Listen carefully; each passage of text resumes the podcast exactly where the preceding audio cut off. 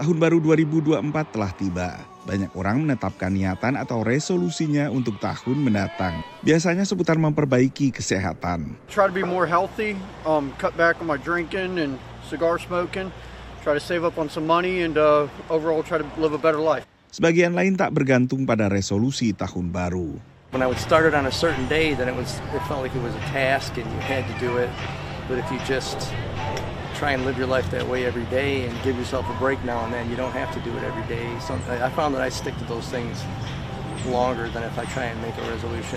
Pada saat yang sama, temuan ilmuwan dari Institut Olahraga, Kebugaran, dan Kesehatan di University College London menemukan olahraga singkat saja secara rutin membawa dampak kesehatan positif. You get more benefit from replacing 10 minutes of sitting or 10 minutes of standing.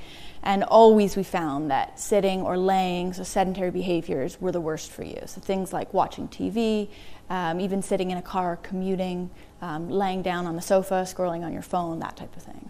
Lalu kegiatan di sekitar rumah bisa membantu menjaga kesehatan fisik. Like, for example, when you go grocery shopping, you're going to lift two bags and walk into your house with them.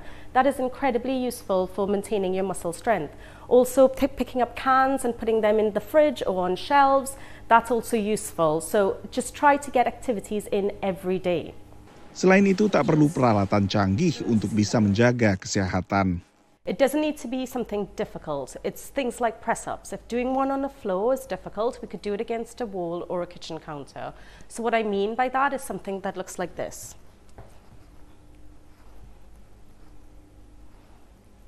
Sementara bentuk gerak fisik yang dipilih tak harus yang intens seperti berlari. This isn't running for everyone. This could be brisk walking. So brisk walking is a great way to raise your um, heart rate. So get it, get outside, go out for a walk for you know 20, 30, 40 minutes if you can.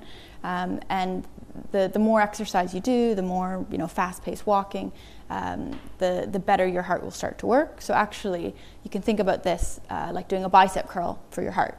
So the more that you're um, putting strain on your heart, asking it to work hard to pump blood to your muscles, um, the more efficient it's going to become. Keinginan mengurangi berat badan atau lebih langsing biasanya melandasi resolusi tahun baru untuk lebih sering berolahraga memasuki tahun baru.